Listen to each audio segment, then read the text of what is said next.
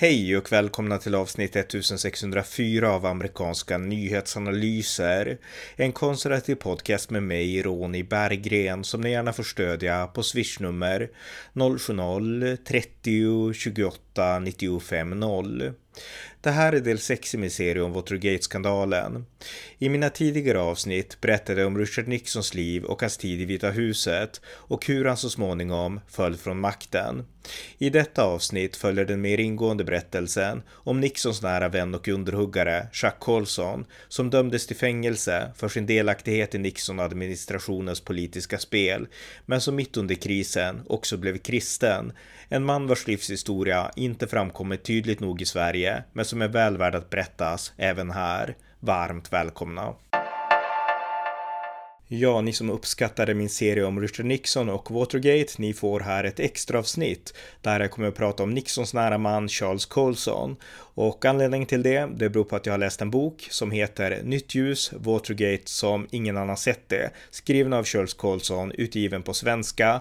Förlaget inte skrift 1976 och det är då en översättning från det engelska originalet. Men i samband med att den här boken gavs ut i Sverige så var även Colson här, ska sägas. Jag återkommer till det lite längre fram. Men jag har läst den boken och i den boken så berättar Colson om sitt liv, sin uppväxt, sin vänskap med Richard Nixon, sin tid i Vita huset, Watergate och hur han också blev kristen mitt i smeten och eh, hur hans liv förvandlades och tog en vändning. Så jag har läst den boken, sen har jag också studerat vad Colson hade för sig efter fängelsetiden, det han har gjort i livet efter det och eh, det här blir en podd där jag berättar om Charles Colsons liv. Eh, från Watergate vidare till något annat fram till hans, till hans död 2012. Så att jag hoppas att det här blir en spännande berättelse och för att verkligen illustrera hur nära Colson var eh, Nixon så är det bästa att beskriva Eh, det tidningsomslag som fanns på tidningen Newsweek i mars 1974. Då var ju Nixons män på väg att åtalas för inblandning i Watergate och på omslaget fanns fyra personer. Dels Bob Holdman som var Nixons stabschef och närmaste man, John Ehrlichman som var Nixons eh, främsta inrikespolitiska rådgivare, John Mitchell som var Nixons personliga nära vän och även var eller hade varit då eh, ledare för CREEP, Committee to Re-elect the President. Det är ord som jag hoppas ni har lärt er nu. Och på omslaget fanns det också Chuck Colson. Så att Colson var verkligen en av Nixons nära män. Det var ju då tillsammans såklart med Holderman, Ehrlichman, eh, med Mitchell, men även Henry Kissinger och sådär. Alltså det fanns en del andra också, men eh, Charles Colson var verkligen mycket nära Richard Nixon i den inre cirkeln och det är viktigt att förstå det. Det framkommer tydligt när man läser boken, men det gör det också att hans, hans berättelser om Vita huset och eh, det som föregick bakom kulisserna blir väldigt trovärdiga. Så att eh, det var Chuck Colson och mediebilden av Chuck Colson, det var ju också att han var Nixons ondskefulla hantlangare och han omnämns ofta av eh, Bob Woodward och Carl Bernstein i All the President's Men och då framstår han som någon slags skuggfigur som, som man får liksom kalla kårar av. Och det var lite så som somliga i liksom Nixons och Colsons samtid också beskrev honom. Eh, fruarna till vissa ministrar, de citerades i Newsweek och de sa då att vi får kalla kårar bara Colsons namn nämns. Och eh, en före detta medarbetare till Colson, han sa också till, jag tror att det var om det var till Wall Street Journal, men han sa i alla fall att eh, Chuck Colson skulle köra över sin egen farmor för Richard Nixons skull. Och eh, Colson själv han sa att eh, jag har aldrig sagt sådär utan det är andra som säger sådär om mig. Och eh, en viktig distinktion må hända men bara det att andra säger så, det säger ändå ganska mycket om personen i fråga som man säger så om. Så att han hade ju verkligen ryktet Chuck Colson som att vara en riktig hårding och Nixons riktiga hantlangare. Och eh, han skulle också dömas då senare i samband med rättegångarna som hade med Watergate att göra.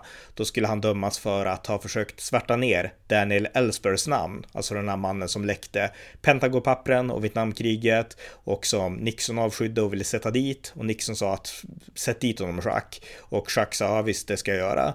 Och eh, Chuck Colson började då sprida rykten om Daniel Ellsberg för att påverka juryn och för det så, eh, för, Ellsberg ställdes då liksom inför rättegång för att han hade läckt papper och då ville då Nixon-administrationen att han skulle sättas dit rejält. Så att Colson började liksom läcka saker om Ellsberg som han inte fick läcka och för det så dömdes Colson till fängelse. Så att en riktig tuffing och eh, Nixons riktiga henchman. Nu ska jag då berätta historien om eh, Charles Wendell Colson som han hette. Och eh, Charles Wendell Colson, han föddes i Boston, Massachusetts 1931. Hans farfar var svensk faktiskt, svensk påbrå. Eh, hans mor härrörde från Storbritannien. Han hade där i Massachusetts en rätt vanlig uppväxt. Han var med i episkopalkyrkan som väldigt många var där. Han blev tidigt intresserad av politik och han började 1948 att volontärarbeta för Massachusetts guvernör Robert Bradford. Eh, 1953 då gifte han sig med Nancy Billings.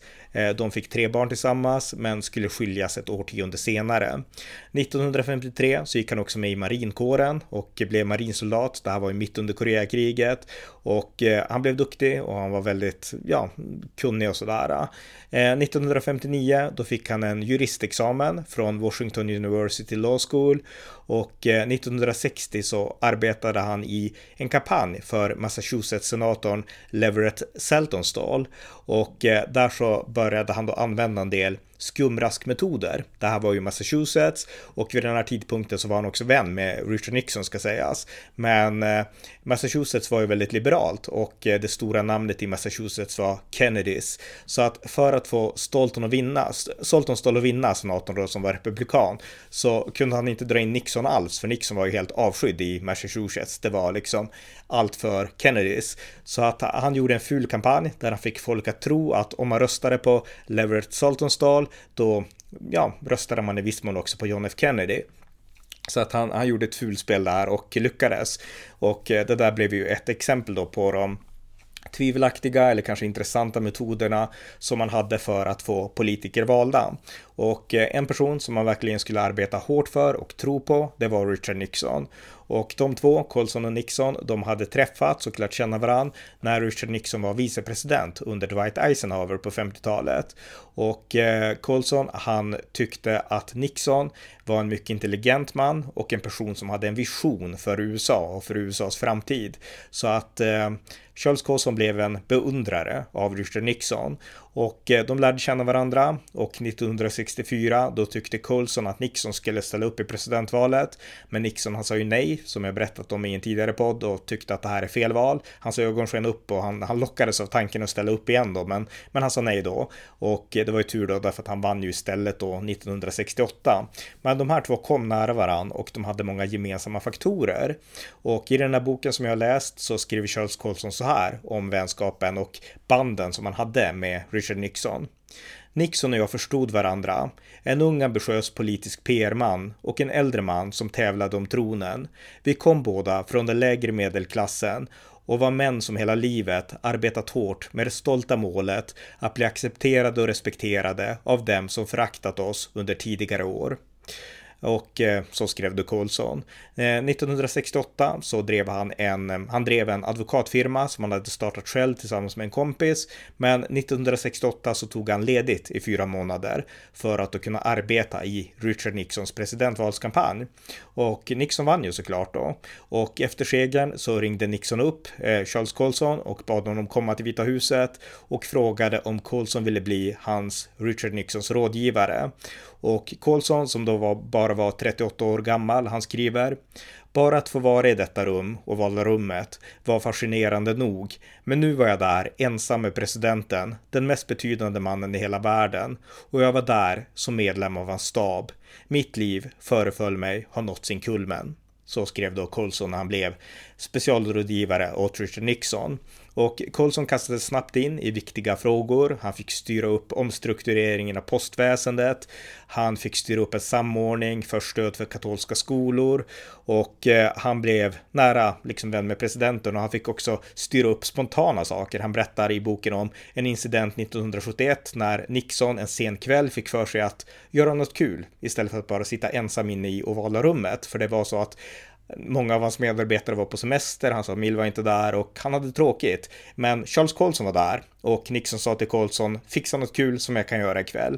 Och Colson fick panik för det fanns inga sekreterare där så att han fick själv bläddra i kataloger och försöka hitta någonting. Och sen hittade han att ett marinkorsband spelade på Kennedy Center och han ringde dit och de sa att men konserten är snart slut och ni måste meddela 24 timmar, tim timmar innan presidenten kommer. Och Colson sa att han kommer, ni måste fixa det nu. Så att de fick eh, göra en specialföreställning där de spelade Hail to the Chief när Nixon kom in och eh, han var där jättekort men, men det var liksom totalt liksom en massiv insats för att presidenten skulle vara en kort stund på slutet av en konsert på Kennedy Center. Och dagen efter så blev Bob Holderman, som då var stabschef, väldigt arg på Colson och sa hur kunde du göra det här? Men han sa ju så. Och eh, Bob Holderman sa nästa gång så släpp inte iväg honom, han kan inte åka på så kort varsel.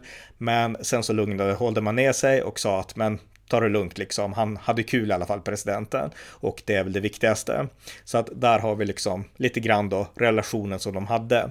Och eh, Colson, han, han var ju stolt såklart över det här jobbet hos presidenten. Och eh, en dag så bjöd han dit sin pappa. Och pappan fick träffa president Nixon i ovala rummet, skaka hand med Nixon, det finns ett foto på det. Och eh, efteråt så skrev pappan då ett brev till sin son. Och han skrev så här. Käre Jacques, om min pappa, den gamle svensken, hade levat nu skulle han ha sträckt på sig av stolthet över att hans sonson är så framgångsrik. Det är bara i Amerika som sånt kan hända, skrev pappan då efter att ha fått träffa Nixon och se sin son i Vita huset och arbeta med presidenten.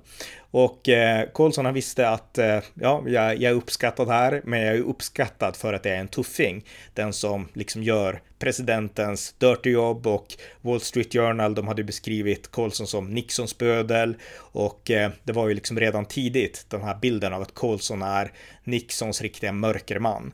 Och eh, det var också mycket som, som de gjorde, berättar Colson. Han berättar till exempel att de avskydde en senator, en senator som hette Harold Hughes, som var en stark anti-Vietnam eh, krigsaktivist. Och eh, Colson berättar då att eh, Nixon avskydde honom och det här var en person som också var kristen eh, och sådär, men han, han var en antikrigsaktivist och eh, Nixon ville stoppa honom och han började prata när han tänkte på honom om hur motståndarna behövde krossas och det var någonting som Colson instämde i då. Så att han var, han var en riktig hårding då, Colson. Och eh, sen skulle det hända det som Eh, skulle starta en snöbollseffekt egentligen. Och det var när Pentagopappren kom ut den 14 juni 1971, alltså när Daniel Ellsberg hade avslöjat eh, hemligheterna om Vietnamkriget eh, för pressen. New York Times och Washington Post och alla publicerade det här så småningom. Och när det kom ut först så var Henry Kissinger jättearg och Colson var ju där på rummet då. Och Kissinger slog näven i bordet och sa att det här hotar hela USAs säkerhet och USAs allierade, nu kan de inte lita på oss längre och sådär. Och eh, Nixon sa om Ellsberg, jag vill ha honom avslöjad Chuck. Jag vill veta sanningen om honom. Det spelar ingen roll hur du bär dig åt, bara det blir gjort, sa Nixon då. Och Colson jakade och sa att han förstod vad, vad Nixon ville. Och därefter så var Colson en del av att han, han ledde inte gruppen, men var ändå del av att se till att det sattes ihop en grupp som skulle hantera läckor. Och det är den grupp som jag pratade om tidigare, The Plumbers, rörmokarna och eh, en person som var med där, det var Howard Hunt som hade känt Jack Colson sedan studenttiden. Och den här gruppen då, The Plumbers, som också leddes av Edgelbud Krog, den här personen som också hade bjudit in Elvis till Vita huset som jag berättade om. Eh, den gruppen gjorde ett inbrott i Daniel Ellsbergs psykiatrikers kontor för att hitta skit om Daniel Ellsberg och det här blev sen, liksom delar av den här gruppen gjorde sen inbrottet i Watergate. Så att eh, han hade ju ett litet finger med där också, Colson då, i framförallt när det gäller Ellsberg, inte så mycket när det gäller Watergate. Men Colsons arbete för presidenten fortsatte och eh, sommaren 1972 då skulle ju allt det här med Watergate eh, blomma ut inför allmänheten. Och eh, en dag så ringde John Ehrlichman till Colson och undrade Eh, Colson, vet du var din vän Howard Hunt befinner sig numera? Och Colson förstod inte varför, varför undrar du det? Och det sa John Ehrlichman att eh, Howard Hunt, han har kopplats till det inbrott som skedde i Demokraternas högkvarter i Watergate och det var ju du som anställde honom, ungefär. Och eh, Colson blev nervös och några dagar senare då löd rubrikerna Colsons medarbetare och hjälpare fast. Och eh, Richard Nixon då som förstod att man försöker nu klistra Watergate på Colson. Han kom in och han sa åt Chuck Colson att ta inte åt dig Chuck, det är mig de är ute efter, inte dig, sa Richard Nixon. Och eh, så att eh, Ja, och då visste han inte på den tiden, skriver han i boken då, som han skrev senare, att, att Nixon spelade in alla samtal i Vita huset och sådär. Men han reflekterar ändå i efterhand ska sägas över stämningarna som fanns i Vita huset och eh, liksom reflekterar över Watergate utifrån hur man tänkte, mentaliteten i Vita huset. Och jag ska läsa ett stycke om Colsons reflektion. Inom vår lilla krets i Vita huset var hänsynslöshet och hårdhet detsamma som tillit och lojalitet och det var nycklarna till det omhuldade kungariket och fortsatt närhet till tronen. Övermod blev kännetecknet för Nixons män, för övermod var den egenskap som Nixon beundrade mest. Det var inte underligt att, ambitiösa unga män som Magruder och Haldemans andra ivriga och blint lojala unga löjtnanter försökte bevisa sin politiska livskraft för Nixon och för oss andra genom hårda uttalanden och orövägenhet. Kanske var det ren dumhet att tro sig kunna ta sig in i en av Washingtons bäst bevakade kontorsbyggnader, men det var i varje fall övermod. I sinom tid skulle jag få klart för mig om vi, det vill säga Colson, Mitchell, Ehrlichman, Haldeman och kanske även Richard Nixon visste om Watergate i förväg eller inte. Det skulle senare komma att få betydelse som rent laglig distinktion, men moraliskt sett hade det föga betydelse. Vi hade satt krafter i rörelse som förr eller senare måste göra Watergate eller något liknande oundvikligt. Så långt Chuck Colson. Sen kom då hösten 1972 och då var det som sagt presidentval. Det presidentval som jag pratade om tidigare där Richard Nixon vann stort över George McGovern, antikrigsdemokraten. Och Eh, Eh, det var en stor seger, men Watergate hade verkligen sugit all entusiasm från segerfirandet. Och Colson berättar att när man var på firandet då så kändes det konstlat och oäkta. Och Colson han, han kände då att jag vill återgå till det privata och bli advokat igen. Nixon vädjade om att han skulle stanna och skrev i ett senare skede ett brev där han verkligen manade eh, Colson att stanna. Men eh, ja, Colson ville avgå då, men han lovade att vara tillgänglig för presidenten för ja, att arbeta som konsult då på sidan om. Så att de fortsatte att ha en relation, men Colson lämnade Vita husets stab där våren, i mars mer konkret, 1973. Och eh, under den här tiden då så kände han en stor tomhet. Han hade upplevt liksom skuggan av Watergate och att det var saker i, inom administrationen som inte stod rätt till. Och han kände mer och mer att jag har varit på makttoppen nu. Vad ska jag nu göra i livet? Jag har fru, jag har familj, jag har bra jobb som advokat, men jag känner en tomhet, eh, skriver han då, att han upplevde. Och vid ett tillfälle, då skulle han träffa en klient vid eh, Raytheon Company, ett stort eh, tv-bolag tror jag. Och eh, dess vd hette Tom Phillips. De hade träffats tidigare, i tidigare skede av karriären, karriärerna och Tom Phillips var en person som hade klättrat i toppen genom skarp sinne och naturlig talang och han var också, precis som Colson, känd för att vara en riktig tuffing som liksom bågade sig fram och på så vis kom någon vart också i, i sin karriär och så. Och eh, ja, han skulle träffa honom. Men innan han skulle gå in på eh, den här personen då, Tom Phillips kontor, då berättade den biträdande direktören att du, eh, Colson, du måste förstå att Tom, han, han är inte samma person som förut. Han har genomgått någon slags religiös upplevelse.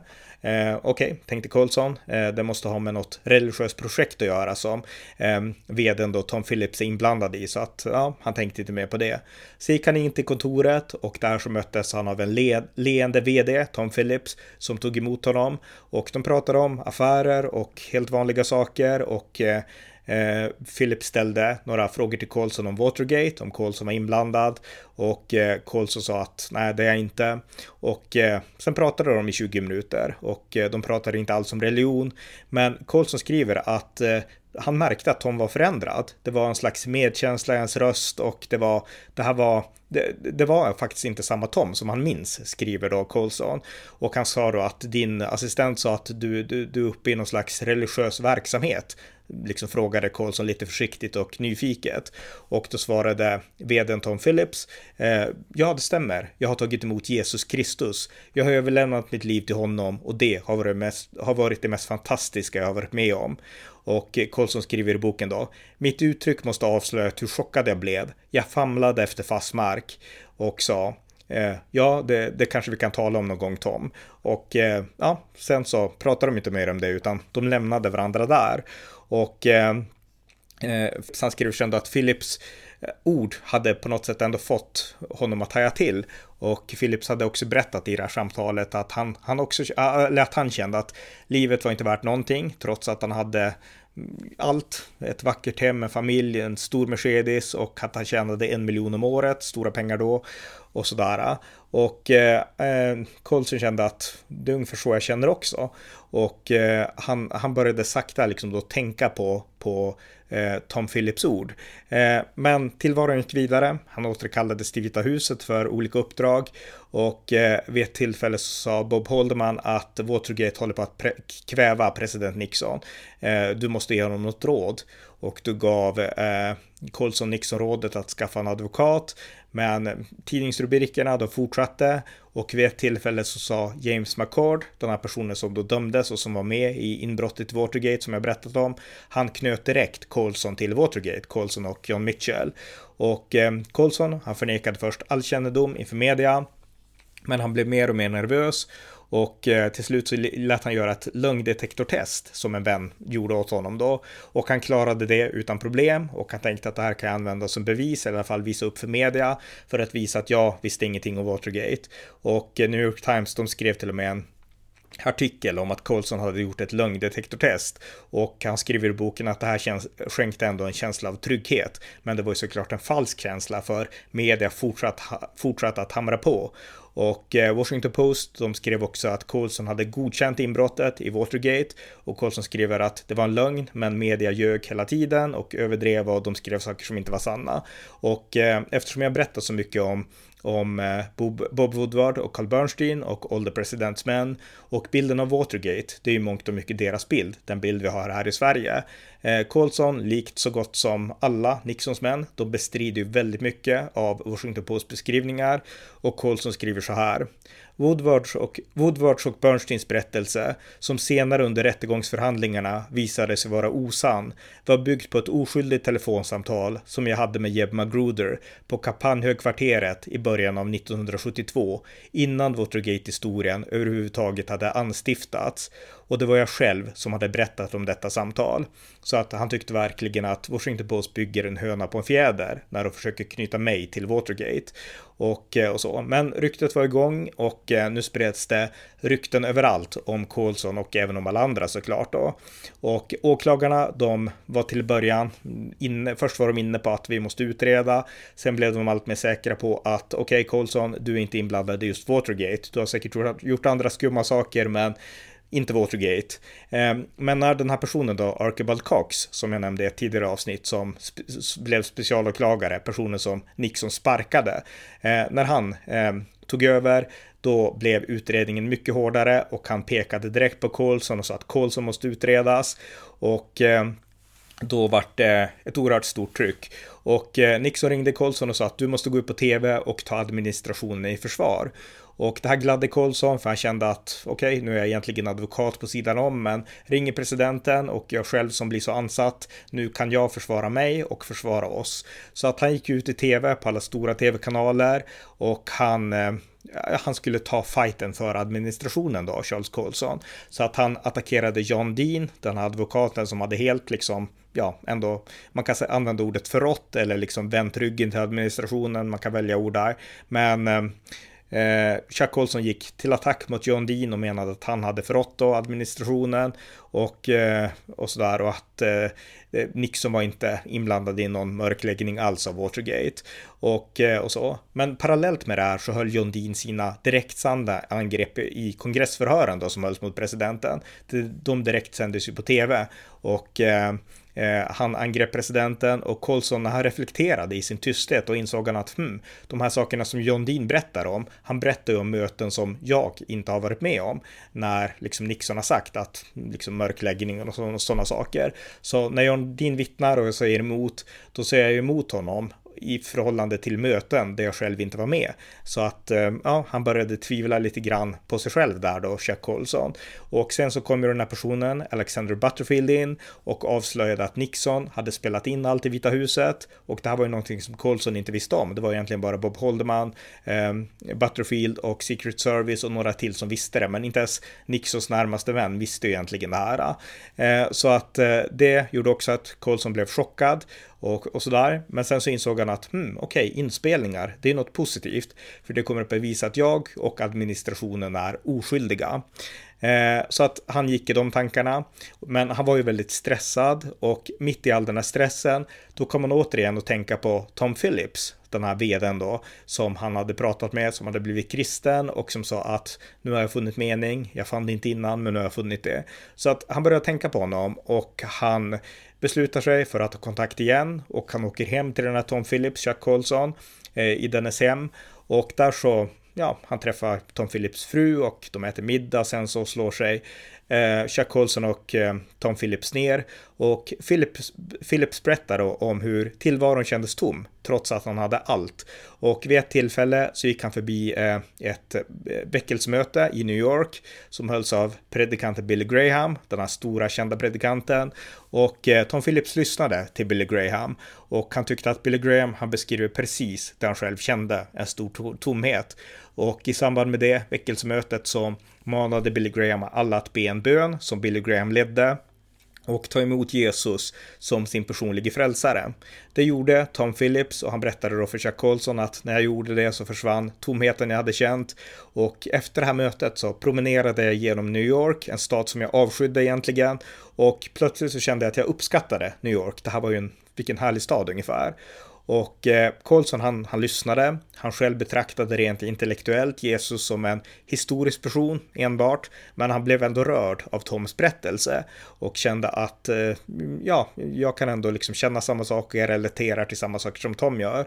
Och eh, sen fortsatte de att prata om Watergate och Colson han reagerade instinktivt med att försvara administrationen och eh, Tom Phillips han säger då att, eh, att eh, alltså det här med Watergate, alltså oavsett vilka detaljer jag inte kan så hade ingen gjort så här om man hade haft självförtroende. Då hade man liksom agerat i egen kraft och vunnit en stor seger i alla fall.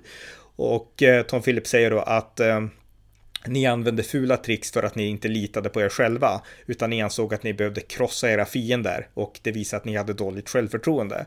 Och Colson försöker försvara sig eh, och säger att du Tom Phillips, du förstår inte vilken tuff miljö politiken innebär. Och eh, Tom Phillips svarar då, jag avskyr, att, jag avskyr att säga det här Jacques, men ni har er själva att skylla. Om ni hade satt er tilltro till Gud och kämpat för en god sak så skulle han ha lett er. Och eh, Colson skriver då att om någon annan person hade börjat prata om Gud och att Gud skulle kunna hjälpa oss, då hade det låtit som Rödluvan och vargen. Men jag måste ändå erkänna att jag var imponerad av eh, Tom Phillips, hur han skötte sitt företag och hur han lyckades göra det effektivt utan att driva det här hårda spelet. Han bara ignorerade sina fiender och försökte istället följa Gud. Eh, så tänkte då Chuck i sitt inre. Och eh, Sen så fortsätter Tom Phillips och säger Chuck, jag tror inte att du kan förstå vad jag säger om Gud förrän du är villig att vara ärlig och uppriktig mot dig själv. Det är så det måste börja.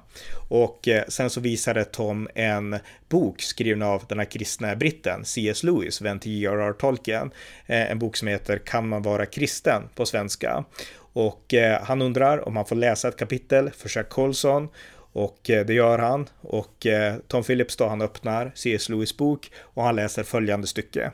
Det finns en last som ingen människa i världen är fri ifrån, som alla människor i världen direkt avskyr när de ser den hos andra och som knappast någon andra än de kristna någonsin misstänker att det är slavar under.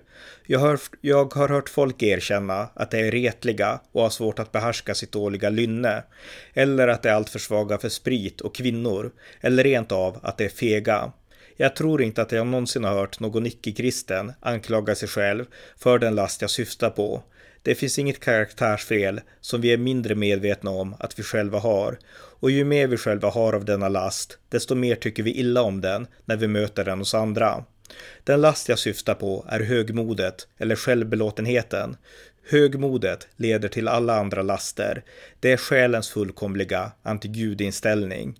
Och eh, när Chuck Colson lyssnar på det här citatet från C.S. Lewis, då känner han djupt att det är precis det här som vi gjorde i Vita huset. Vi var högmodiga och jag var högmodig. Så att det här berör Chuck Colson väldigt mycket. Och Tom Phillips, han frågar sen om de ska be tillsammans. Eh, Chuck Colson säger nej och eh, ja, besöket avslutas. Han åker ut i sin bil och åker iväg.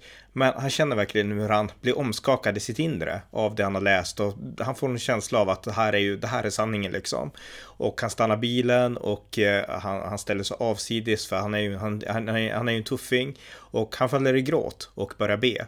Och i den stunden så skriver han att han känner frid och han känner att det händer någonting i mitt inre. Allt det här som jag håller på, det, det rinner av, det försvinner. Och eh, i den stunden så blir Chuck Colson kristen. Och eh, sen återvänder han då till sin roll som ja, konsultrådgivare åt Nixon-regeringen. Och eh, i samband med det så träffar han även andra. Han kopplas till andra kristna och de träffas i bönegrupper i Vita husets källare. Han inser då, oj, det finns kristna i regeringen, det finns kristna i, ja, i, i staben, det finns kristna på lägre nivå och alla samlas här i källaren i Vita huset och ber på morgnarna, håller bönesamlingar. Och eh, Colson, han börjar delta där och känner att det här är något helt nytt i mitt liv som jag aldrig upplevt förut. Och eh, då hör han också talas om att eh, en person som också brukar vara med på de här, inte alltid på bönekvällarna men ibland, eh, det är senatorn Harold Hughes, den här vänsteraktivisten som gjorde allt för att stoppa Vietnamkriget som Nixon-administrationen och Chuck Colson hatade och som hade fått dem att tänka om att krossa fiender. Och till slut får han veta att du borde träffa Harold Hughes och han känner att borde jag verkligen det? Alltså det här, det här kan inte bli bra. Och eh, den här Harold, Harold Hughes då, han var en ganska stor personlighet. Han hade dels hade han varit med i första, andra världskriget såklart i Italien. Han hade blivit skadad. Han hade kommit hem. Han hade blivit lastbilschaufför. Men sen hade han också som så många andra veteraner fått alkoholproblem och en dag så låg han i sitt badkar och han tänkte ta livet av sig. Han hade sitt hagelgevär där och eh, ja, men, men han bad till Gud om hjälp.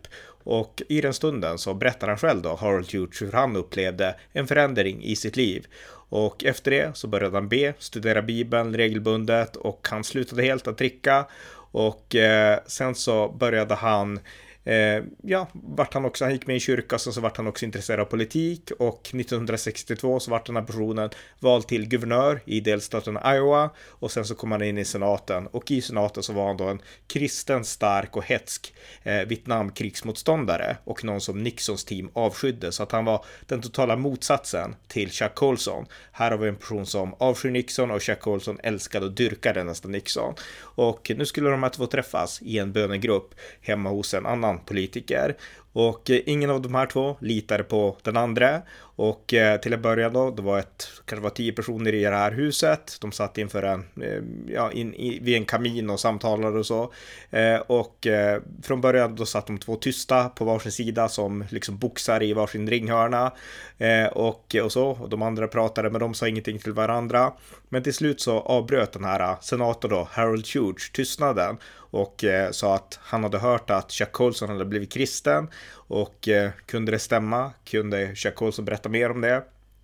Och eh, då berättade Chuck Colson vad han hade upplevt hemma hos Tom Phillips. Hur han desperat hade bett till Gud och upplevt något som han aldrig hade gjort förut. Och det blev tyst en stund där i rummet och till slut så sa senator Harold Hughes att det är allt jag behöver veta Jacques. Du har accepterat Jesus och han har förlåtit dig. Det gör, det gör jag också. Jag älskar dig nu som en broder i Kristus. Jag kommer att stå bakom dig, försvara dig var som helst och lita på dig med allt jag har.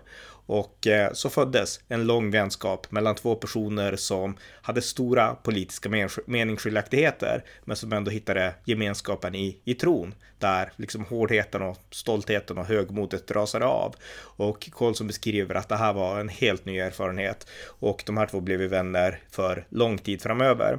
Men i takt då med att Colson blev kristen, då följde så småningom också tidningsrubrikerna därför att det, det kom rapporter om att de här äh, bönemötena i Vita huset, att Chuck Colson var där och ja, det blev skriverier. Och eh, Los Angeles Times skrev Tuffingen Colson har blivit religiös, skrev de på en av sina rubriker. Och många artiklar och karikatyrteckningar de drev med Colsons tro. Den här Nixon-personen som bara försökte smita undan genom att prata om Gud och eh, eller så använde man, man gjorde karikatyrbilder där han framstod som en ängel som skulle skippa rätt i Vita huset. Och Colson, han blir först mycket nedslagen av den här rapporteringen och, eh, och så. Men en dag så får han ett brev av en person som har läst en positiv artikel om, om honom. Och ironiskt nog så skrevs den här positiva artikeln av en kristen person på Washington Post. Och eh, där skildrades då liksom genuint, alltså omvändelseupplevelsen. Och eh, mitt i allt, liksom alla skriverier där man häcklade med Colsons nya tro, så får han ett brev på postlådan av en helt vanlig amerikan. Och det brevet lyder så här. Den 25 december 1973. Käre vän. Det här kanske kan tyckas vara ett ovanligt brev, men när jag har läst artikeln om dig i Charleston Evening Post antog jag att du förr varit en ovanlig människa. Jag är vid flygvapnet. Under mina 19 år har jag försökt finna mig själv. Jag har vid flera tillfällen varit i kyrkan, men det, pastorerna, har inte nått mig. Att läsa artikeln om dig har hjälpt mig mer än någonting annat i livet. Det är juldagsmorgon här. I vanliga fall är jag drucken eller på väg att bli det vid det här laget. Men nu sitter jag här, ser på när barnen öppnar sina presenter och funderar på att gå till någon kyrka istället för, istället för till baren eller hem till någon för att bli full. Jag köpte inte ens något dricka i år. Det är människor i ställning som din som bekänner sitt förgångna, kanske inte så fina liv, sina fel eller vad det nu kallas. Det är det som hjälper människor i min situation. Jag känner mig verkligen fri i mitt inre den här morgonen och jag ber till Gud att han ska hjälpa oss båda i alla våra trevande ansträngningar. Jag ska försöka få tag i boken Kan man vara kristen av C.S. Lewis där jag bor och läsa den. Gud välsigne dig. Nathaniel Green. Och eh, Jack Colson skriver att eh, när han läste det här brevet så fick han tårar i ögonen och han kände att det han gjorde var värt allt och det spelade ingen roll vad de andra tidningarna skrev. Och han tänkte tillbaka på C.S. Lewis som hade också skrivit att eh, om civilisationer, att eh, vi tror på något sätt att civilisationer är viktiga, att samhällen är viktiga, men eh, i den kristna tron så är det människan som är evig. Den mänskliga själen är evig. Civilisationer är inte eviga och det innebär att individen är viktigare än civilisationer. Och eh, Colson skriver då så här att eh, eh han citerar C.S. Lewis. Individen är betydelsefullare, för han är evig, och en stats eller en kulturs liv är endast ett ögonblick i jämförelse med hans, hade C.S. Lewis skrivit. Och eh, han kände själv att så, precis så är det och han kände väldigt djup lycka över att den här mannen hade ja, blivit så uppmuntrad av att höra om hans kristna tro. Så att eh, där lärde sig Colson att eh, stå ut med liksom det spott och spä som media kom med. Och eh, han, eh, ja, eh, han, han började också tänka lite mer på, på president Nixon. Och eh, han tyckte att eh, det skulle vara, han skulle gärna vilja berätta för Nixon också, för han visste vilka, vilka bördor Nixon bar på. Att eh, han måste få berätta för Nixon om Jesus. Och eh, ja, det blir inte så mycket av det. Eh, men vid ett tillfälle så ringer Nixons sekreterare en sen kväll och säger att Nixon, han vill, han vill träffa dig, Jack Colson. Och ni måste träffas ensamma. Så eh, Colson kommer i hemlighet till Vita huset och Secret Service för in honom till Lincolnrummet i Vita huset. Och där sitter Nixon och de två är ensamma. Och Nixon är kryptisk, men han, han är ändå liksom, han säger så här att jag har, jag har läst artikel i Washington Post och Colson då som har drömt om att få berätta för Nixon om, om sin egen kristna upplevelse. Han blir nu livrädd och han börjar tänka att vem, ja, alltså, han har läst vad betyder det liksom och sådär och jag, eh, jag kan väl inte berätta om USAs president, om mina känslor och sådana saker och liksom jag kan inte predika för honom, jag, jag är ingen Billy Graham. Så Colson säger inte ett ord, utan de småpratar istället om politik och sen så åker eh, Chuck Colson hem till sig och det blir inte så mycket mer. Men 11.30 på kvällen, då ringer Nixon hem till Colson som ligger i sängen med sin fru Patty. Han vart ju omgift sen då efter sitt första äktenskap. Och eh, Nixon säger att han är djupt bekymrad över Watergate. Och han säger sen att du ska veta Chuck att jag ligger på knä varje kväll och ber till Gud. Och Colson skriver jag blev alldeles stum. För att komma från en man som var så stolt att han inte kunde erkänna mänsklig svaghet i någon form. Han vägrade till exempel kännas vid en vanlig förkylning, även om hans bröst var så tilltäppt att han knappt kunde tala. Var det, en, var det en fantastisk bekännelse. Hans röst övertygade mig om att han var ärlig. Och eh, ja, det var ett intressant samtal de hade där då liksom. Eh, sen så vart det liksom inte att de bad eller sådär, men, men Nixon han, han insåg att Colson, du har en tro som, som jag ändå kan se är genuin och sen så ville han dela sina tankar och känslor där då. Men allt som hade med Watergate att göra, det fortsatte och eh, Colson blev eh, allt mer eh, ansatt av olika eh, åklagare och sådär. Och eh, Colsons egna advokater, de manade Colson att inför senatsförhör och liknande eh, åberopade femte konstitutionstillägget som ger rätten att vara tyst. Och eh, till en början så gjorde Colson det, men han kände mer och mer att jag vill berätta min historia, även om det ligger mig till last. Och eh, till slut så gjorde han det och eh, det användes delvis emot honom då och det hade att göra med att han hade läckt hemligheter, FBI-hemligheter för att svärta ner Daniel Ellsberg, det jag pratade om tidigare idag, den här Watergate, eller rättare sagt den här Pentagon-papper-läckan. Och eh, för det här då, som han ändå dömdes till av en jury sen, Chuck Colson, så dömdes han den 21 juni 1974 till fängelse. Och han kände då att jag måste vara ärlig och jag måste berätta det jag, liksom oavsett vad som händer så måste jag berätta det ungefär. Och han dömdes då till ett till eh, tre års fängelse och 5000 dollar i böter. Och eh, när han kom utanför domstolen där eh, så sa Chuck Colson så här. I have committed my life to Jesus Christ. I can work for the Lord in prison or out of prison. Och nu blev det också fängelse för Chuck Colson. Han fördes först till Fort Hollabird, ett fängelse där man ofta höll viktigare fångar som man behövde skydda extra eller som man hade användning av på något sätt. Och han var ju i viss mån en fånge på politiska grunder som kunde behövas för att vittna och sådär. Och eh, Colson tilldelades en cell, en liten cell på 3,5 gånger 2,5 meter. En stor kontrast till hans kontor i ovala rummet. Eh, dörrarna, de gick däremot inte att låsa och det gjorde att det fanns en risk att bli överfallen av andra fångar på nätterna. Det var ju inte säkra eh, miljöer, de här miljöerna, utan det fanns faror och de flesta av er har ju sett fängelsefilmer eh, och det var likadant när Jack Colson satt i fängelse. Och en natt vaknade han av att en stor skugga eh, föll in över rummet. Han fick panik och eh, han tog tag i en lampa och väntade på att han skulle bli överfallen. Men det visade sig bara vara en vakt som, som bad om ursäkt och sa att han sökte en tom cell där han kunde få vila en stund. Och eh, sakta men säkert börjar Colson anpassa sig till den här tillvaron. Eh, en dag så får han höra att en annan känd fånge ska komma till fängelset. Och eh, det är ingen mindre än Nixons advokat John Dean, mannen som hade egentligen sett till att allt det här uppdagades eh, och att det blev Ehm, avslöjanden och eh, åtal mot Nixons män. Och det fanns ingen som Colson avskydde mer än John Dean. Det var ju John Dean han hetskt hade gått till angrepp mot i tv när han försvarade Nixon. Och eh, Nixons team betraktade verkligen John Dean som den stora förrädaren. Men nu var eh, Chuck Colson kristen och han började fundera Hatar han verkligen John Dean? Bör han hata John Dean? Vad säger hans kristna tro om det?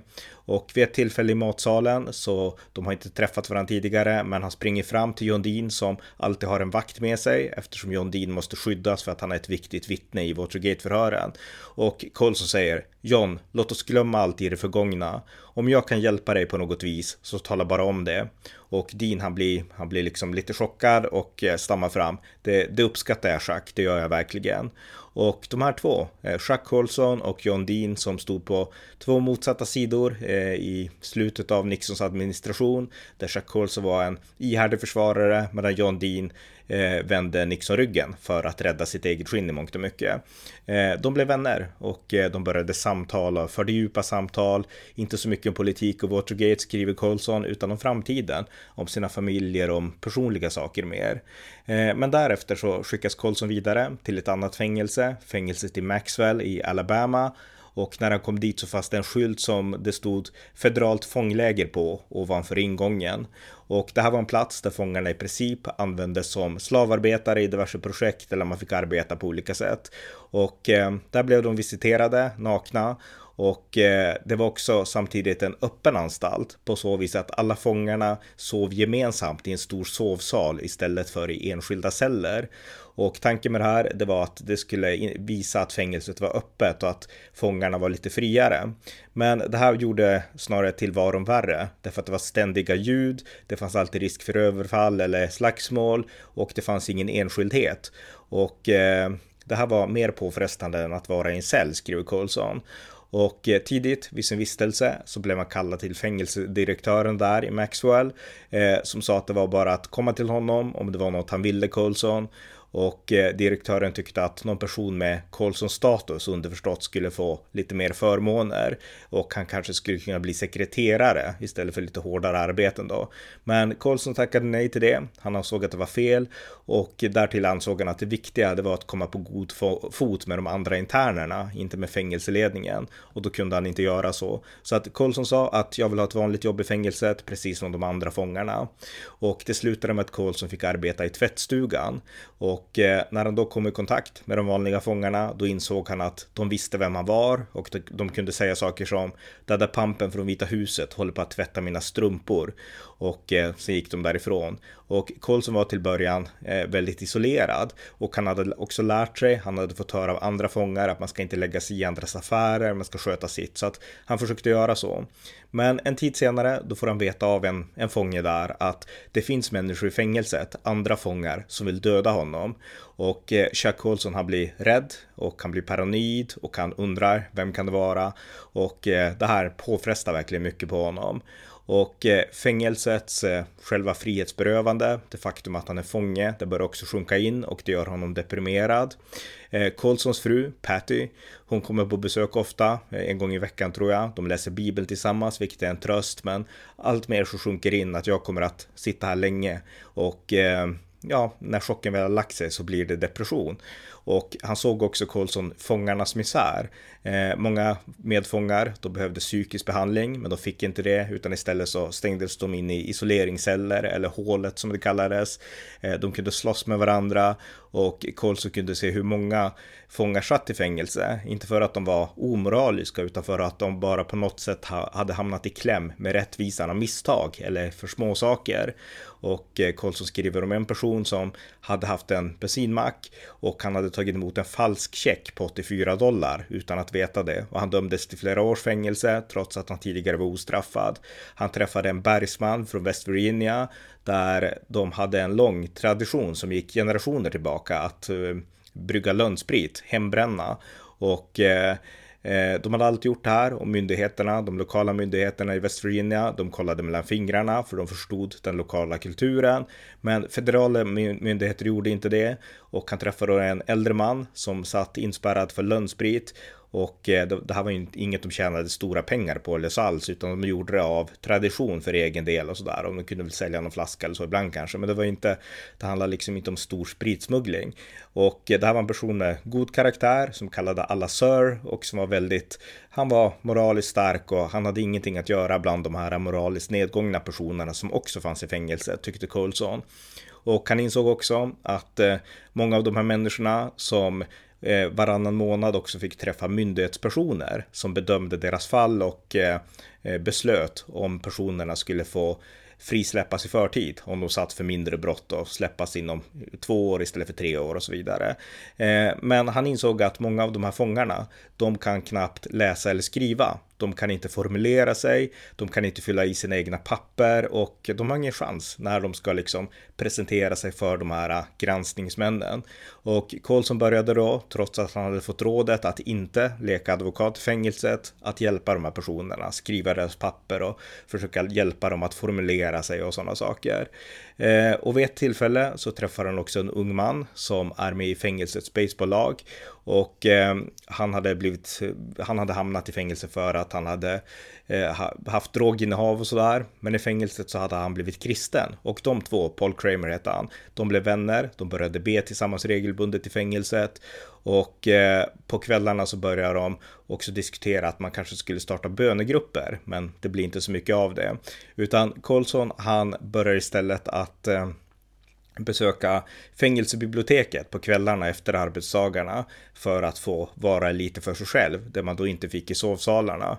Och eh, en dag på fängelsebiblioteket då stöter han på en annan man som också har blivit kristen. Och det här är en liksom råbarkad karl från Texas som, som inte alls är blyg eller så och som ber för sina medfångar högt och sådär.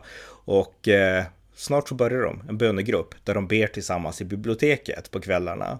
Och ryktet om den här gruppen, den sprider sig i fängelset, allt fler kommer dit och eh, de blir förändrade när de ber. De här hårda skalen försvinner, de kan börja prata med varandra. Det här är hårda, robusta män som har gått igenom tuffa saker i livet och eh, nu kan de möta varandra personligt. Och Colson blir accepterad. Han blir en medfånge. Han blir inte bara den här personen från Vita huset utan han blir en medfånge bland de andra. Och tron blir allt mer levande. Eh, på sin födelsedag då får också Charles Colson ett brev från Richard Nixon. Nixon hade då sedan två månader tillbaka avgått som president och eh, han skriver sitt brev från Kalifornien och Nixon skriver då sympatiskt. När jag tänker på den enastående tjänst som du har utfört för administrationen, din lojalitet mot mig personligen och din vänskap känner jag verkligen medlidande med dig eftersom jag vet att det måste vara en fruktansvärt prövosam tid du går igenom. Som väl är, är du ung och stark och en god människa. En dag kommer det här att vara över och vi kommer alla att kunna fortsätta kämpa igen. Gud välsigne dig och låt oss hålla kontakten. Din tillgivne Richard Nixon. Och eh, Colson läste brevet. Eh, men vid det här laget så var det tydligt att Colsons framtid handlade om något annat än politik. Det handlade om hans kristna tro och det var det som han på djupet insåg att han ville leva för. Och eh, samtidigt då så kände han sig eh, fortfarande rädd. Alltså det var en blandning mellan alla möjliga saker. Tron eh, styrkte honom och gemenskapen han fick med de andra hjälpte honom. Men samtidigt som han var deprimerad, han längtade ut och han ville träffa sin fru och så vidare. Så att det var en blandning av många olika saker och eh, han var också rädd för att han hade fått veta att det fanns ett mordhot mot honom i fängelset, hade han fått veta av en av fångarna. Och det här hade han fått veta redan från början när han kom till Maxwell. Och eh, han var rädd, han kunde drömma mardrömmar och ibland vakna kallsvettig. Men vid ett tillfälle ute på gården där på fängelset, då passerar han två personer och då känner han en inre maning att det är de här som vill skada honom. Och han hoppar spontant fram och säger att är det någonting som ni vill säga till mig? Har ni något att berätta för mig? Säger han bara direkt till dem. Och de är tysta ett tag. Sen säger en av männen att vet du vem jag är? Och mannen berättar att jag är poliskommissarie och jag blev ditsatt på falska grunder av Nixon-administrationen. Och eh, Colson inser då att den här personen hyser ett djupt hat mot honom och eh, mannen borrar in sina ögon i Colson och säger Det var du som gav order om den, där, om den där undersökningen i Chicago. Det stämmer, eller hur? Säger den här mannen och tittar på Colson. Och eh, Colson, eh, han, han vet vad det handlar om. Och eh, han säger då att eh, den undersökning som du pratar om av Chicagos borgmästare Daley, den gjordes av justitiedepartementet och jag hade inget med det att göra.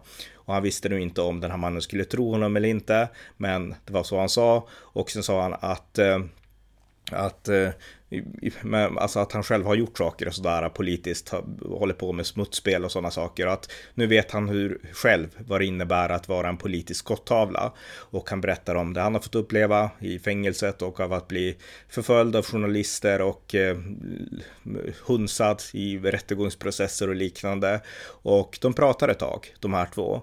Och eh, efter en stund så Eh, säger den här inlåsta kommissarien att de två nog ändå sitter i samma båt. Han skakar Colsons hand och eh, sen så går han därifrån och säger att nu är vi inte längre fiender. Och därefter så försvann den här känslan av ett hot som Colson hade upplevt. Och eh, den överhängande faran då som, som han ändå upplevde fanns, den försvann. Han kände inte så längre. Vad den här mannen hade planerat att göra specifikt, det fick han aldrig veta. Men det här löste saken. Han skriver sen att det här var, det här var ett mirakel. Gud hade lett mig till de personer som vill skada mig och eh, vi vart, då vart väl inte nära vänner, men liksom konflikten löstes ungefär. Så att eh, rätt intressant. En tid senare efter det, då förflyttades han tillbaka till det första fängelset, Fort Hollabird.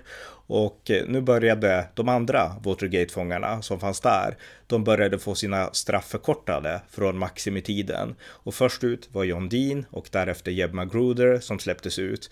Och nu hoppades ju eh, Charles Colson verkligen på att han själv också skulle få bli fri. Men han hade haft en annan domare. De här hade ju haft den här eh, Sirica som jag berättade om tidigare som var viktig i Watergate-rättegångarna. Eh, eh, Colson, han hade ju inte dömts för Watergate utan för det här som hade med Daniel Ellsberg att göra. Så han hade haft en annan domare. Och den domaren, han tyckte att jag vill inte känna mig pressad av Sirica att fria fångar, utan jag går min egen väg. Så allt mer började tyda på att Chuck Colson inte skulle bli fri, utan att han som nu hade suttit ungefär ett år skulle få sitta ytterligare två år. Och det kändes verkligen outhärdligt för Chuck Colson. Eh, och därtill så fick han snart ett annat besked. Hans son Chris, 18-åring, hade gripits för narkotikainnehav och när poliserna hade Eh, tagit fast honom så hade han sagt att nu fick ni oss båda. Och eh, han, eh, det där blev en rubrik i tidningar och sonen hade blivit bitter för det som hade hänt på pappan. Och Colson han blev nu djupt nedslagen för att han kunde inte göra någonting för sin son. Och därtill hade andra saker hänt i fängelset. Hans far hade dött och han hade inte kunnat hälsa på honom. Och han insåg nu att det här är vilken situation jag befinner mig i. Men han skriver då i sin bok, ändå trodde jag aldrig för ett ögonblick att Gud hade övergett mig. Och eh, därtill så kom det också kristna vänner till, liksom till hans undsättning. Vissa fanns där och vissa hörde av sig och vissa kom på besök och så eller skrev brev. Och eh, en av de viktiga bönepersonerna i hans grupp från Washington DC som jag pratade om tidigare, Doug Coe, han skrev ett brev till eh, Charles Colson som lät så här. Det här senaste tre veckorna har jag tänkt på det ständigt Chuck. Gud håller på att forma en grupp av likasinnade människor över hela världen. Det som du drömde om att åstadkomma för vårt land och folk, fred och ett bättre liv, kan fortfarande komma till stånd. Det är bara den skillnaden att nu kommer Gud att få äran. Om det, om det behövdes skulle jag gärna ge mitt liv för att du skulle kunna använda de underbara gåvor som Gud har anförtrott åt dig för att han ska bli ärad. Jag älskar dig min vän och alla kamrater älskar dig, Dog Coe. Och eh, Colson skriver i sin bok senare vad som hände på kvällen där i fängelset. När jag den kvällen var ensam på mitt rum kapitulerade jag fullständigt. Då fullbordades det som hade börjat 18 månader tidigare på Tom Phillips uppfartsväg. Herre, om detta är vad det egentligen handlar om, sade jag, så tackar jag dig. Jag prisar dig för att du låter mig vara kvar i fängelset, för att du låtit dem ta ifrån mig mina advokaträttigheter, ja till och med för att min son har blivit arresterad. Jag prisar dig för att du har gett mig din kärlek genom dessa män, för att du är Gud och för att jag får vandra tillsammans med Jesus. När jag hade uttalat dessa ord upplevde jag den allra största glädjen. Det var den slutliga befrielsen. För första gången kände jag mig verkligen fri, trots att mitt öde verkade vara något av det sämsta tänkbara. 48 timmar senare, klockan fem på fredags eftermiddagen, ringde domaren Gerard Gessel till Dave Shapiro. På grund av familjeproblem, med andra ord det som hade hänt min son Chris, höll man på att förbereda en order om att Charles Colson skulle friges omedelbart. Några timmar senare stod Pet och jag vid porten till Hålla Bird-fängelset och sa adjö till den lilla gruppen interner. Jack Colson blev alltså fri från fängelset, men bara några dagar senare så återvände han till fängelset i Maxwell i Alabama för att där träffa sina gamla vänner. Och eh, därefter så började ett nytt liv för Jacques där han helt riktade in sig på den kristna tron. Han reste runt, han började berätta om sin tro, det han hade upplevt, han började predika i kyrkor och han startade organisationen Prison Fellowship, en eh, organisation som snabbt växte och blev den största organisationen i USA för att hjälpa fångar i fängelset, ge dem en bättre tillvaro, hjälpa dem att uppleva samma frihet som han hade upplevt och eh, hjälpa till med att ta hand om deras anhöriga som ofta fick stora ekonomiska problem och barn som hamnade i kläm när någon av föräldrarna hamnade i fängelse. Och Prison Fellowship är idag USAs största fängelsehjälporganisation som hjälper fångar. Det är en kristen organisation och det finns inte, också internationellt, eh, Prison, Prison Fellowship International och de har under de här årtiondena som den här organisationen har funnits hjälpt hundratusentals människor i hela världen. Och eh, vi kan spela ett klipp där, där man då gör reklam för det man gör och berättar om det man gör. A lot of people, a lot of people write us off. At Prison Fellowship, we don't write anyone off. No one is too far gone. At Prison Fellowship, we've been writing comeback stories for more than 40 years in prisons across the country. From California to the heart of Texas, where hundreds of men gathered every week lifting their hands in praise. We watch God turn the hearts of stone into hearts of flesh before our eyes. Hearts are changed every day by the power of Jesus Christ. Every person is made in the image of God. No one is beyond his reach. Not in America's heartland, not in America's biggest cities. My name is Daryl Brooks, and I was in prison for 15 years. And today, I'm on staff with Prison Fellowship, leading our ministry at the Caravan Unit right outside of Houston, Texas. Så Chuck Colson byggde verkligen upp en framgångsrik organisation och eh, här är ett exempel från 1993 när han predikar i en kyrka och berättar om den förvandling som han upplevde som, han, som gjorde att han sen kunde ta nästa steg i sitt liv. I celebrate this year a particularly significant anniversary. 20 years ago, this summer, in a friend's driveway in the darkest days of Watergate in a flood of tears, I surrendered my life to Jesus Christ. And I have to tell you, friends, looking back, though the press scoffed and all the incredulous headlines and cartoonists had a field day, I can look back these 20 years and say I am more certain of the reality of Jesus Christ than I am of my own reality. My faith is deeper today than it was at any time. And I look back over those 20 years, and there have been some tough days prison, some serious surgery for cancer at one point. And the worst day of those last 20 years, I wouldn't trade for the best day of the 40 years that preceded it. I look back with such gratitude to God. I realize, I think maybe the older I get, I realize that if it weren't for the fact that I knew historically that Jesus Christ actually went on that cross and died for my sins, I could not possibly live with what is inside of me. And so my gratitude grows with each day that passes for that moment when Jesus Christ came into my life. Och eh, jag själv har inte varit så djupt bekant med Chuck Colson, men däremot är jag djupt formad av George W. Bush, som blev också även lokal kristen på 80-talet och som blev guvernör i Texas 1994. Och när Bush blev guvernör i Texas så förespråkade ju han någonting som heter Faith-Based Initiatives, där man då skulle ge trosbaserade organisationer, och speciellt kristna, eller inte att de särbehandlades, men det var de man hade i åtanke liksom. Eh, man skulle ge dem statligt stöd att kunna driva sina verksamheter. Och Chuck Colson hade vid det här laget startat någonting som heter Inner Change, och det handlar om att hjälpa människor i fängelset och att eh, få till ett samarbete mellan Inner Change och olika fängelser. Och George W. Bush lät honom då eh, samarbeta med ett fängelse i Texas. Det fick mycket goda konsekvenser, fångar blev fria och eh, kunde komma igång med livet och sådär. Så att ett nära samarbete mellan George W. Bush och Chuck Colson. Och när George W. Bush blev president år 2000 så inbjöd han Chuck Colson eh, några år senare, 2003, för att komma och prata om interchange och sin fängelsereform och Prison Fellowship och det här. Och eh, 2008 så fick eh, Chuck Colson också eh, The Presidential Citizen Medal av George W. Bush under George W. Bushs sista år som president. Och motiveringen löd så här. För mer, I mer än tre årtionden har Chuck Colson gett sitt liv för att dela eh, budskapet om Guds gränslösa kärlek och nåd med fångar, före detta fångar och deras familjer.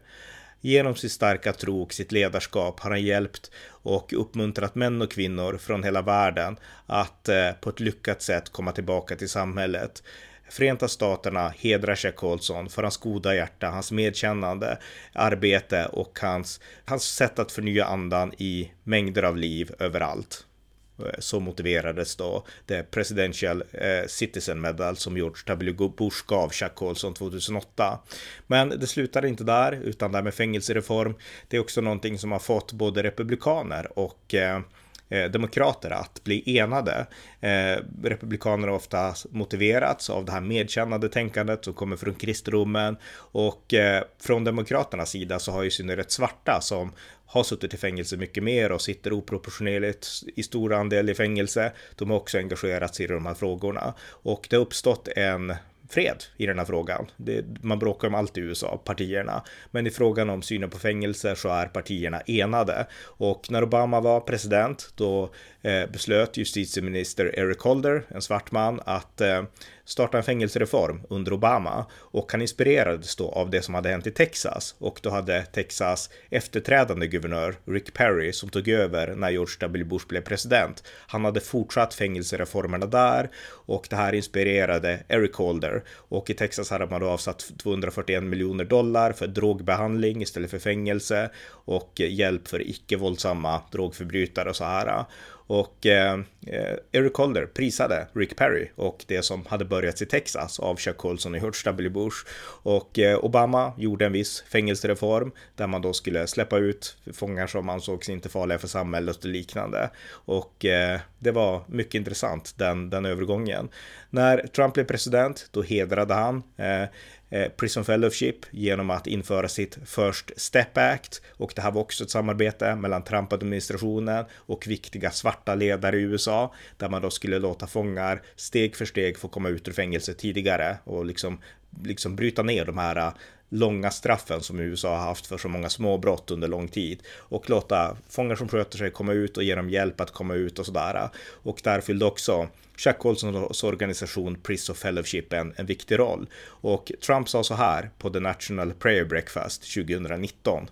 With us today are leaders involved with Prison Fellowship, started by the late Chuck Colson, a man transformed by leaders of this breakfast.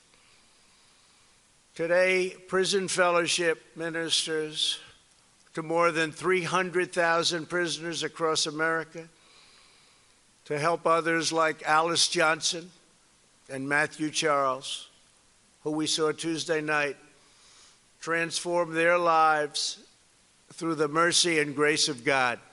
Så det var alltså Donald Trump om Chuck Colson. Joe Biden, han tog över efter Donald Trump och han fortsatte för Step Act och eh, den 25 maj 2022, alltså i år, inte så länge sedan, så skrev Joe Biden Executive Order, Executive Order som handlar om att eh, att till fullo fortsätta implementera First Step Act och eh, fortsätta med att arbeta med att minska eh, oproportionerligt stora straff för fångar och hjälpa dem att komma ut i samhället. Så att även Biden har fortsatt det här arbetet.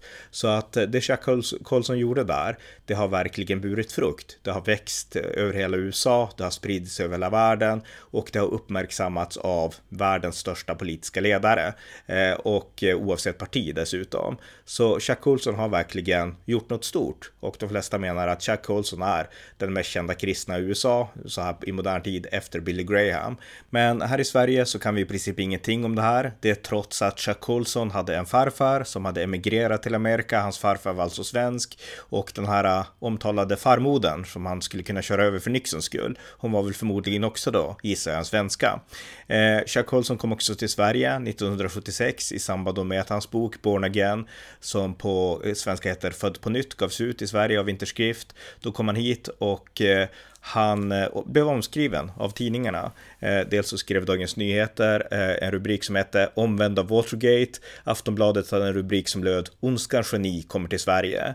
Och Svensk Tidskrift, de har en artikel från 1976 av Matti Häggström som heter Om systemet, där man citerar en kolumn av Aftonbladet där man då kommenterade eh, Eh, Chuck Colsons besök i Sverige och då skriver Aftonbladets krönikör Dieter Strand så här. Inte ett ord om pengar, om kapitalism, imperialism, pentagonism, hela det system som naturligtvis är grunden till Watergate-komplexet, där Nixon bara blev en ytlig syndabock och som naturligtvis inte har försvunnit med Nixon. Den usla individen gör bättring i sin själ och får, får skyndarens förlåtelse och sen går allting vidare mot ständigt högre mål. Så långt Aftonbladet. Och de här rubrikerna som jag nu har beskrivit, ställ dem i kontrast mot den bild ni har fått av det jag har berättat i den här podden. Och då förstår ni att svensk media är väldigt eh, ensidig, väldigt enkelriktad, väldigt vinklad och också väldigt dålig på att verkligen analysera saker för sin egen skull. Utan man betraktar allt ur det goda socialdemokratiska ideologiska perspektivet och allt utanför det bryr man sig inte ens om att förstå. Och här i Sverige utöver den propaganda som vi matas med i media så finns också populärkulturen och i USA så har Hollywood länge drivit den här äh, tesen om de kristna talibanerna, de kristna fundamentalisterna och äh, hur galna den kristna högern är. Det är en väl etablerad röd tråd i mycket av det som Hollywood producerar. Och Netflix, de släppte en serie här om året som heter The Family och det här handlar om den grupp i Washington DC som är en kristen grupp som kallar sig Familjen, som anordnar The Prayer Breakfast till exempel och många sådana här kristna möten i Washington DC. De tror ju att USA i grunden är en nation byggd på kristna värderingar, vilket USA är, och de vill hålla fast vid det mot nya kurser och sådana saker. Och eh, eh, Chuck Colson var en del av The Family. Eh, Doug Coe som jag nämnde som Chuck Colson hade blivit vän, med och bett med i Washington DC på 70-talet och som sen skrev det här brevet i fängelset till Colson att han var beredd att dö för Colsons skull. Han är också en del av den här gruppen. I den här Netflix-serien då svartmålas The Family väldigt mycket. De misstänkliggörs och de Eh, beskrivs som att de är en grupp av mörkermän som gör konstiga saker i skymundan. Så här har ni trailern till Netflix-serien The Family. In my 20s, I stumbled my way in. And what I found is a secretive Christian organization called The Family that had been hiding in plain sight for over 80 years. This was a group with tentacles around the world. A humble example of leadership that the world has never seen. A breathtaking enmeshment of church and state. There were congressmen, senators, world leaders. And they say it's about faith, but there's a shared understanding that what we're really about here is power. I'd like to single out Doug Coe. Doug Coe and all of his associates. I'm grateful. Doug Coe is the longtime leader of the family. He's the most powerful man in Washington you've never heard of. He said the more invisible you can make your organization, the more influence it will have. Jesus plus nothing. It's a powerful thing. Using the National Prayer Breakfast, they dispatch representatives to build relationships with foreign leaders. That is exactly the kind of meeting that I would want to exploit. For the family, Jesus says you must go to those who are in positions of power. God always uses imperfect vessels to do his perfect work. President Trump's an imperfect vessel. Jesus is the answer, but Jesus and Capitol Hill don't mix. Because we want our family to stay together. Det var alltså ett klipp från trailern till The Family från Netflix och vad den här serien gör det är att den målar en djup avgrundsdjup nidbild av den här organisationen av The Family där Jack Colson och så många andra var med. Och eh, det görs genom att man intervjuar akademiker, vänsterakademiker som är ofta väldigt eh, kritiska till den kristna högern i USA och som ofta har en annan syn. Eh, den här organisationen, precis som så många kristna rörelser i USA, är emot aborter. Eh, de är också för kärnfamiljen, vilket i praktiken ofta blir att de är emot gayäktenskap. Det var man öppet tidigare, kanske lite nedtonat nu, men man har de värderingarna i grund och botten. Men det gör, innebär inte att man är någon mörker organisation och en serie som den här får den att framstå som att eh, The Family är en sekt och kanske till med någon slags hemligt sällskap som likt Illuminati styr i trådarna. Och ser man trailern så ser man ju Mike Pence, man ser Donald Trump, man ser liksom Nixon och man ser alla de här som har varit med i verksamheter som anordnats av The Family. Och är man en vanlig svensk konsument så får man bilden av den amerikanska högern, antingen från media som är väldigt vinklade, vilket jag nyss är ett exempel på då, och eller från populärkultur som till exempel Netflix, där man också är väldigt vinklade. Så är man bara en vanlig svensk konsument, jag menar många av er som lyssnar har säkert vänner, familjer, släktingar som, som är vanliga svenska konsumenter.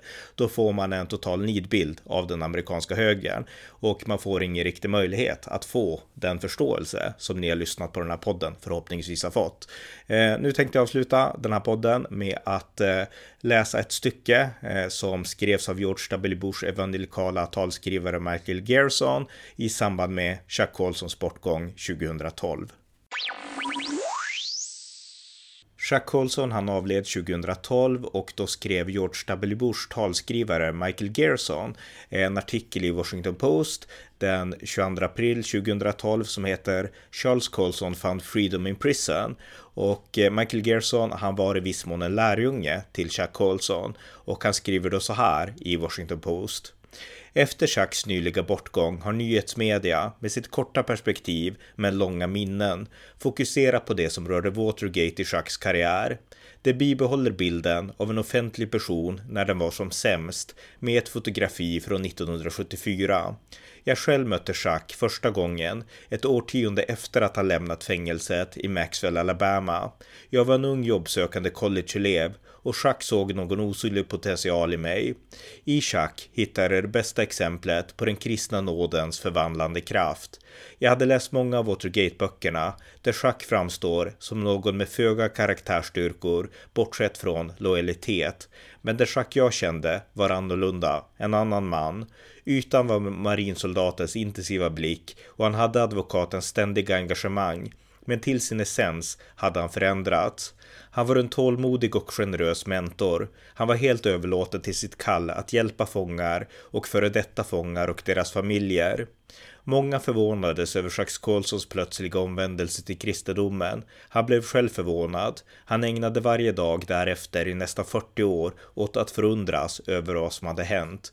Han tvekade aldrig att berätta om sin relation med Jesus Kristus. Jacques hade låtit sig sugas in, inte av någon ny sak att engagera sig i, men han hade uppslukats av en person. Han stod i en lång linje av kända konvertiter, från aposteln Paulus på sin väg till Damaskus till personligheter som John, John Newton, J.K. Chesterton och Malcolm Muggeridge. Det mottogs ofta med skepticism, men det betydde oftast lite för dem, för de hade mött något större än det som häcklade. Chesterton skrev men dessa saker betyder mindre än damm för mig, för mitt namn är Lazarus och jag lever. Jacques var en stark förkunnare och en betydande kulturkritiker och en pionjär för dialog mellan evangelikala och katoliker. Men han drogs mest till den organisation som han skapade, Prison Fellowship, den största medkännande organisationen i världen för att nå ut till fångar. Jacques ledde en armé av volontärer för att hjälpa de allra minst älskade. Denna inversion av sociala prioriteringar, att sätta det sista först, är det bästa beviset för en tro som är mer än en krycka, mer än en opiat eller mer än ett självhjälpprogram. Det är ett kännetecken för genuin religion och det är Jack Colsons eftermäle. Det är en konstig känsla att förlora en mentor, att med åldern och ensamheten stå utanför hans skugga. Ingen var mer redo för döden, ingen var mer övertygad om återuppståndelsen. Han hade ju redan upplevt en första sådan med sin omvändelse. Så min sorg över Jacques bortgång är ändå begränsad, ty han var Lazarus och han lever. Så skrev eh, George W. Bush talskrivare och Chuck Colsons lärjunge Michael Gerson i Washington Post. Men jag hoppas ändå att ni har fått ut något av att lyssna på det här avsnittet och det jag verkligen vill illustrera det är den stora kontrasten mellan beskrivningen av en sak som man faktiskt sätter sig in i och hur den här saken, i det här fallet den kristna högern i USA och Chuck Colson har skildrats av den media som svenskar i allmänhet slukar. Det är två skilda bilder och det här var ju någonting som Nixons män ofta betonade. Man betonade att eh, det har skapats karikatyrbilder. Det är en karikatyrbild av Bob Holderman, det är en karikatyrbild av Richard Nixon, det är en karikatyrbild av Jack Colson. Och eh, bortom karikatyrerna finns också en sanning. Och jag hoppas att den här podden har bidragit till att eh, öppna upp ögonen lite för den. Ni har lyssnat till amerikanska nyhetsanalyser där jag i sedvanlig ordning vill mana er som har möjlighet att stödja valfri Ukraina hjälp med en gåva. Det pågår ett krig i Europa där den ryska totalitarism som Richard Nixon en gång varnade för nu hotar Europa igen. Genom att stödja Ukraina bidrar vi till Europas försvar. Så om ni har möjlighet, skänk en slant. Vill ni stödja amerikanska nyhetsanalyser så går det också bra att göra på swishnummer 070-30 28 95 0 eller via hemsidan på Paypal, Patreon eller bankkonto. Det var allt för denna gång. Tack för att ni har lyssnat.